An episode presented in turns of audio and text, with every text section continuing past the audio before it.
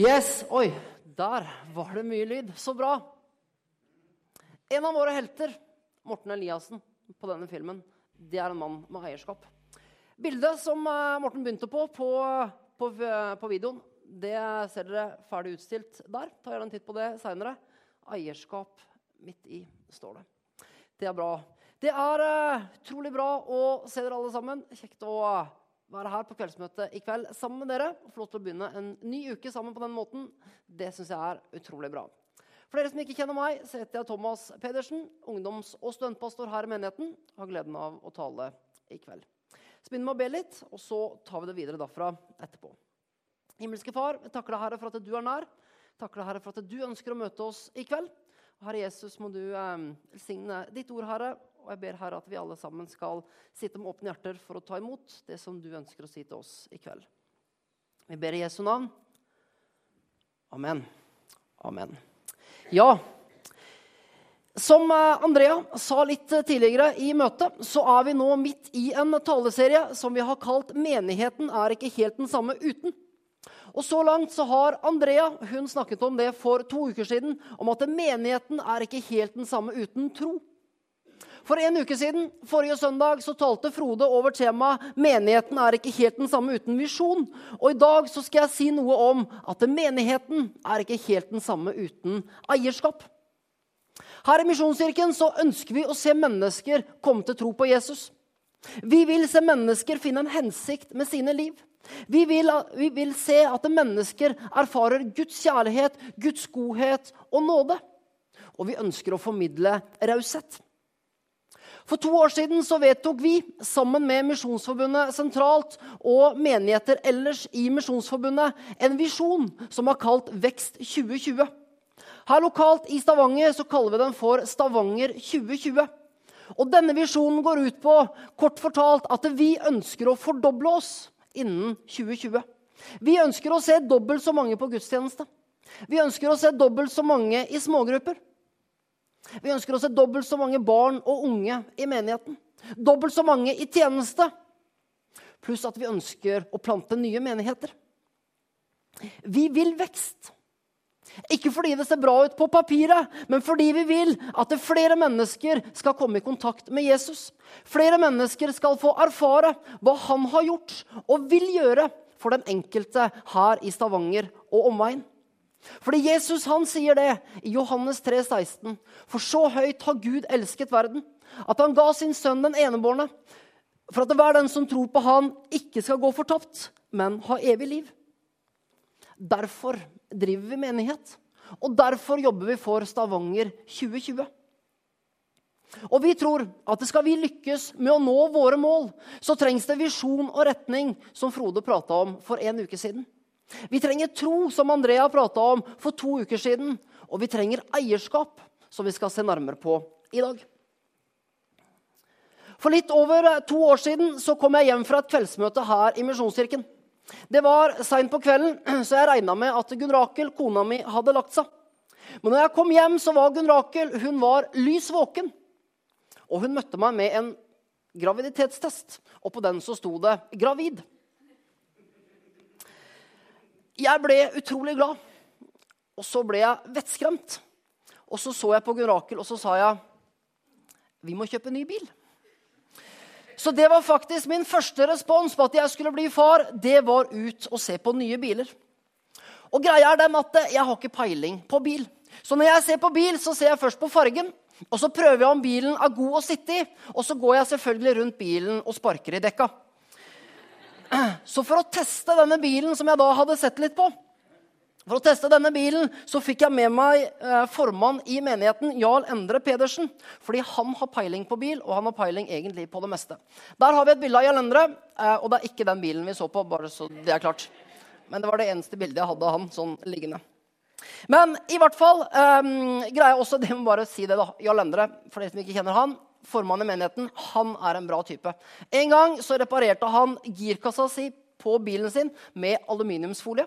Og en annen gang så reparerte han viftereima med en nylonstrømpe, så han har peiling. Men i hvert fall, meg og Jarl Endre vi reiste på prøvetur, og da skulle bilen virkelig testes. Og vi kjørte som vi hadde stjålet denne bilen. Vi akselererte, vi bråbremsa. Vi kjørte fort over store hull i veibanen. Vi testa støtdempere, og jeg vet ikke hva. Bilen den fikk seg en skikkelig gjennomgang, og jeg tenkte det at det var jo greit. Fordi bilen var jo ikke vår. To dager senere så kjøpte jeg denne bilen. Og når jeg da kjørte ut av bilforretningen, så kjørte jeg forsiktig. Jeg behandla bilen så fint jeg bare kunne, for plutselig så var det jeg som eide denne bilen. Og jeg ville ta godt vare på den, for jeg tenkte denne bilen den vil jeg ha i mange år. Jeg tok rett og slett eierskap i forhold til den nye bilen. Her i menigheten så har vi mange mennesker som tar eierskap. Og Jeg kunne i dag trukket fram mange mennesker, men jeg har lyst til å trekke fram Morten Eliassen, en trofast sliter, som vi allerede har sett på filmen. Og Mange av dere kjenner Morten. Og Morten han er i kirka seint og tidlig. Han vasker, rydder, og han gjør enormt mye praktisk arbeid. Og jeg tenker, hvorfor gjør han det? Jo, fordi kirka skal se best mulig ut. Ja. Men han tjener også et høyere mål. Han tjener også en høyere hensikt. Han tilrettelegger for at mennesker skal få møte Jesus. Mortens eierskap er med å skape forandring. Hans eierskap det er en del av Stavanger 2020, og det tilrettelegger for vekst.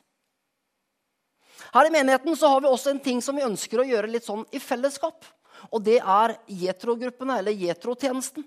Og Jetro-gruppene gjør en fantastisk innsats hver eneste uke i forhold til renhold, kirkekaffe eh, og annet praktisk arbeid. Og jeg tenker Jetro-gruppene tilrettelegger for vekst. Og jeg tenker Det er en konkret måte som vi kan være med og ta eierskap på. Og Det som jeg har lyst til å utfordre oss på i dag, eller det som jeg har lyst til å utfordre deg på i dag, det er Tar du eierskap? Tar du eierskap i forhold til Misjonskirken og det oppdraget som vi har? Velger du å la deg engasjere? Eller er du bare en som kommer innom en gang iblant, og that's it? Og for å si det sånn det er helt greit å bare komme innom. Du er hjertelig velkommen hver eneste søndag til å komme og se. Men jeg tror også det at hvis du bare kommer og ser uke etter uke, måned etter måned, år etter år, så vil du på sikt gå glipp av gleden det er med å være med og tjene. Og se det som virkelig skjer. I Johannes kapittel 2 så leser vi om når Jesus gjør vann om til vin. Greia er den at Det er bryllup i Kana. Jesus han var invitert. Og Litt utpå kvelden så går de tom for vin, og det var krise. Og Vi skal lese sammen fra Johannes kapittel 2, vers 7-9, og der står det. Og Jesus han sier det. Fyll karene med vann, sa Jesus til tjenerne. De fylte dem til randen. Øs nå opp og bær det til kjøkkenmesteren, sa han. Og det gjorde de. Kjøkkenmesteren smakte på vannet. Det var blitt til vin. Han visste ikke hvor det var kommet fra, men tjenerne som hadde øst opp vannet, de visste det. Og Det er én setning i denne teksten som jeg stadig legger merke til. og Det er den, det er den setningen som sier tjenerne, de visste det. De som var med og tjente, de som hadde eierskap i forhold til festen, de visste hva som hadde skjedd. De visste det, at her har det skjedd et under. Jesus har møtt et behov. Og så tenker jeg også det at de fikk en fantastisk historie å fortelle senere. Kanskje var de samla, og så kunne de si han ene kanskje sa det at Husker du den gangen Husker du den gangen med det vannet som blei til vin? Ja, det var passe sprøtt, sa kanskje en annen. Hva skjedde der egentlig? Jeg vet ikke, kunne en fjerdemann si. Men det er noe med han Jesus. Og så tenker jeg det, De andre, de som på en måte bare var festdeltakere, de som bare var en del av festen, de hadde gått glipp av alt det som hadde skjedd. De tenkte bare 'mer vin'. Så bra. Og så fortsatte de festen som om ingenting hadde skjedd. Men så tenker jeg det. Bak de, bak de vanlige festdeltakerne, så står det en gjeng med tjenere. En gjeng med tjenere som visste. Som hadde sett det at Jesus var på ferde. Som så det at Jesus møtte behov. Tjenere.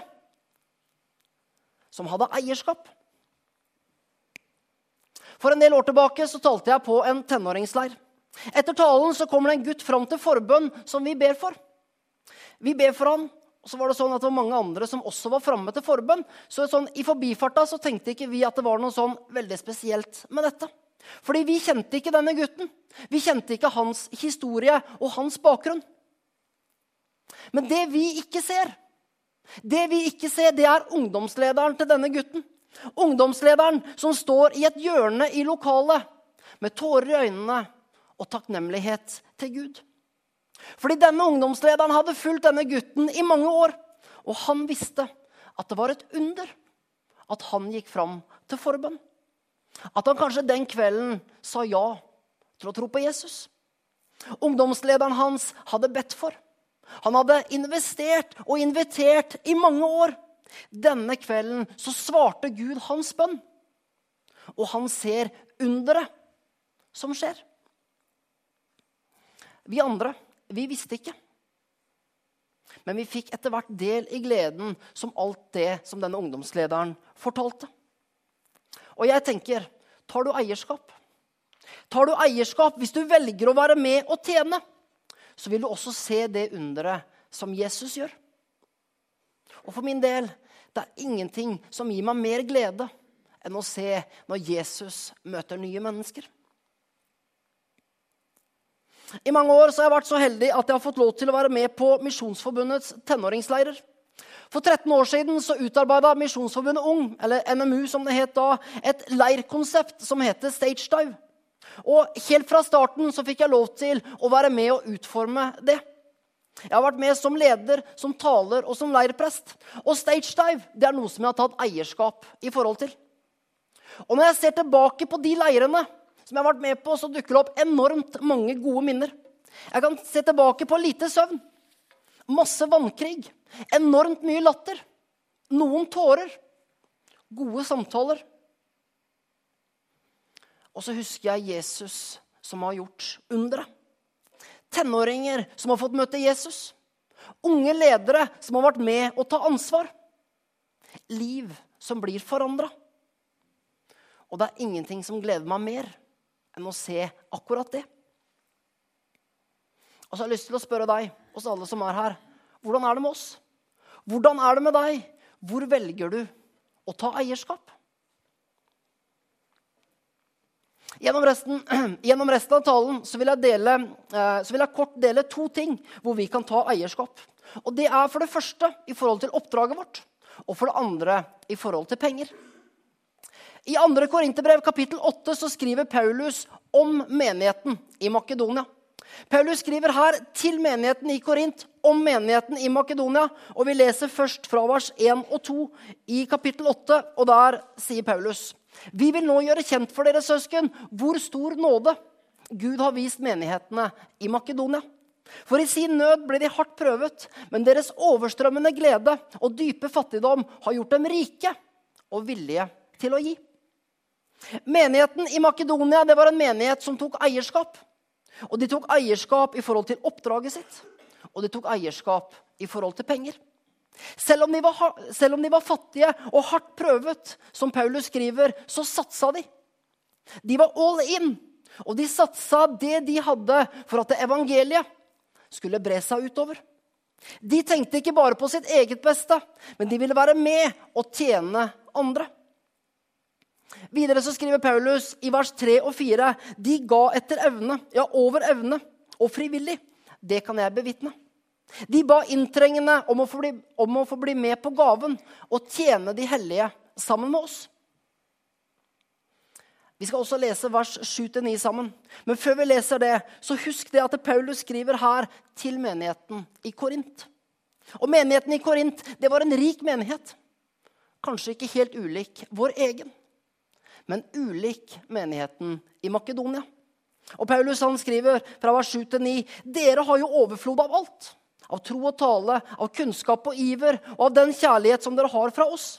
Så må dere også med denne gaven vise deres overflod.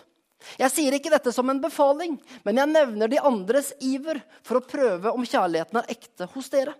Dere kjenner vår Herre Jesu Kristi nåde, enda han var rik ble han fattig for deres skyld, så dere skulle bli rike ved hans fattigdom. Makedonierne de tjente med iver. Og Paulus han utfordrer her den velstående menigheten i Korint til å ta det samme eierskap i forhold til oppdraget. Og han minner om hva Jesus Kristus har gjort. Enda han var rik, så ble han fattig. For vår skyld, slik at vi kunne bli rike ved ham. Og jeg tenker derfor skal vi ta eierskap. Derfor skal vi bruke våre gaver og talenter til å være med og tjene. Derfor skal vi være med og gi av vår overflod. Derfor skal vi dele og være rause. For at mennesker skal få møte Jesus. Han ble fattig for vår skyld. Han ble gjort til synd og skam for oss.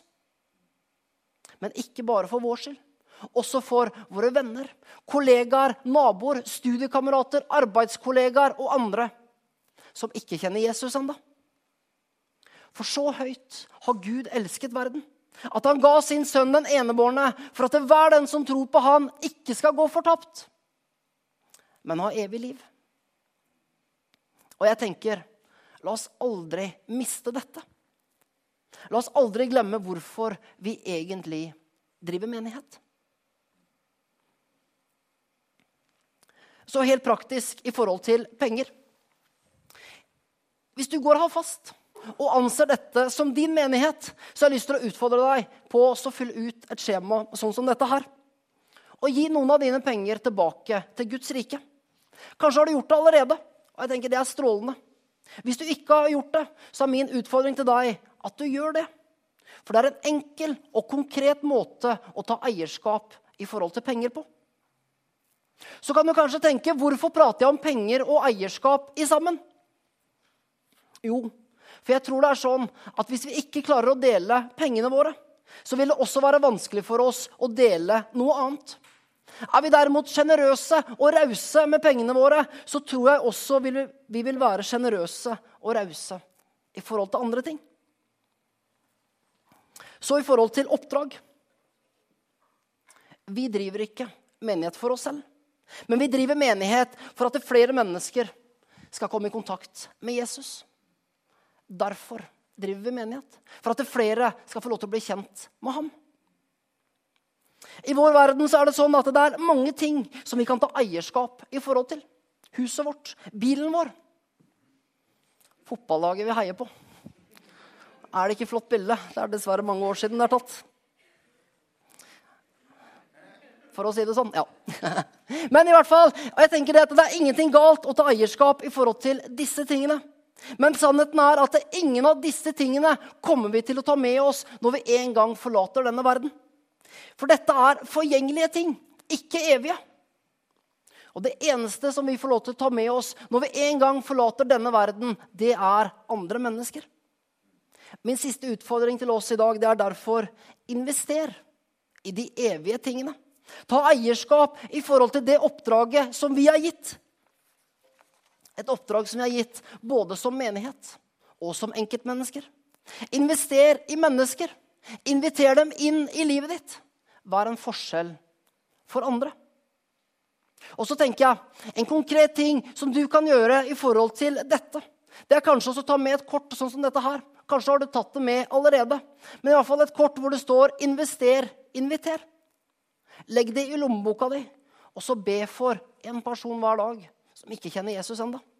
Invester inn i relasjonen. Inviter vedkommende inn i livet ditt, og gjerne til kirka. Og som Morten sa i filmen, når man ser på kirka som et hjem, da blir det også lettere å invitere. Helt til slutt for et par uker siden var jeg hjemme i Skien i begravelse til faren til min bestekompis. Tirsdag 29. januar så døde han i en tragisk ulykke, bare 68 år gammel. Uka etter så var vi samlet til begravelse. Og da fikk vi høre om en mann som hadde levd for mer enn bare seg selv. Over 600 mennesker kom i denne begravelsen. Og vi fikk høre om en Jesusbegeistring. Vi fikk høre om en Jesusbegeistring, en enkel tro. Og et liv som hadde betydd enormt mye for veldig mange mennesker. Han reiste for tidlig fra denne verden. Det er det ingen tvil om. Men han reiste ikke tomhendt herfra. Hans liv, hans tjeneste, hans engasjement og hans eierskap i forhold til mennesker og menighet, det hadde satt dype spor. Og jeg håper for oss alle at vi velger å ta eierskap i forhold til de evige tingene. At vi kan investere i mennesker. At vi kan leve for mer enn bare oss selv. Vi håper å nå våre mål i forhold til Stavanger 2020. Og det er ikke mål på et papir, men det, men det handler om menneskers evighet. Det handler om å se mennesker bli frelst. Det handler om å se liv bli forandra, og flere blir kjent med Jesus. Og Min siste oppfordring til deg i dag det er vær med og ta eierskap i forhold til den visjonen. Engasjer deg. Gi av dine midler, gi av dine gaver og talenter. For jeg tror at sammen så kan vi skape forandring. Sammen så skal vi skrive historie. Og sammen så skal vi få mange gode historier å fortelle. Derfor vær med og ta eierskap. Og så helt til slutt så har jeg bare lyst til å utfordre deg. Hva ønsker du med livet ditt? Hvor ønsker du å ta eierskap? Invester i det. Gå for det. Sats på det. Og så tenker jeg litt Vær all in. Skal vi be. Himmelske Far. Takker deg, Herre, for at du er nær oss alltid, Herre. Takk, Jesus, for at eh, du kom. Takk, Jesus, for at du døde for oss. Takk, Herre, for at du sto opp igjen, Herre. Takk, Herre, for at du lever i dag.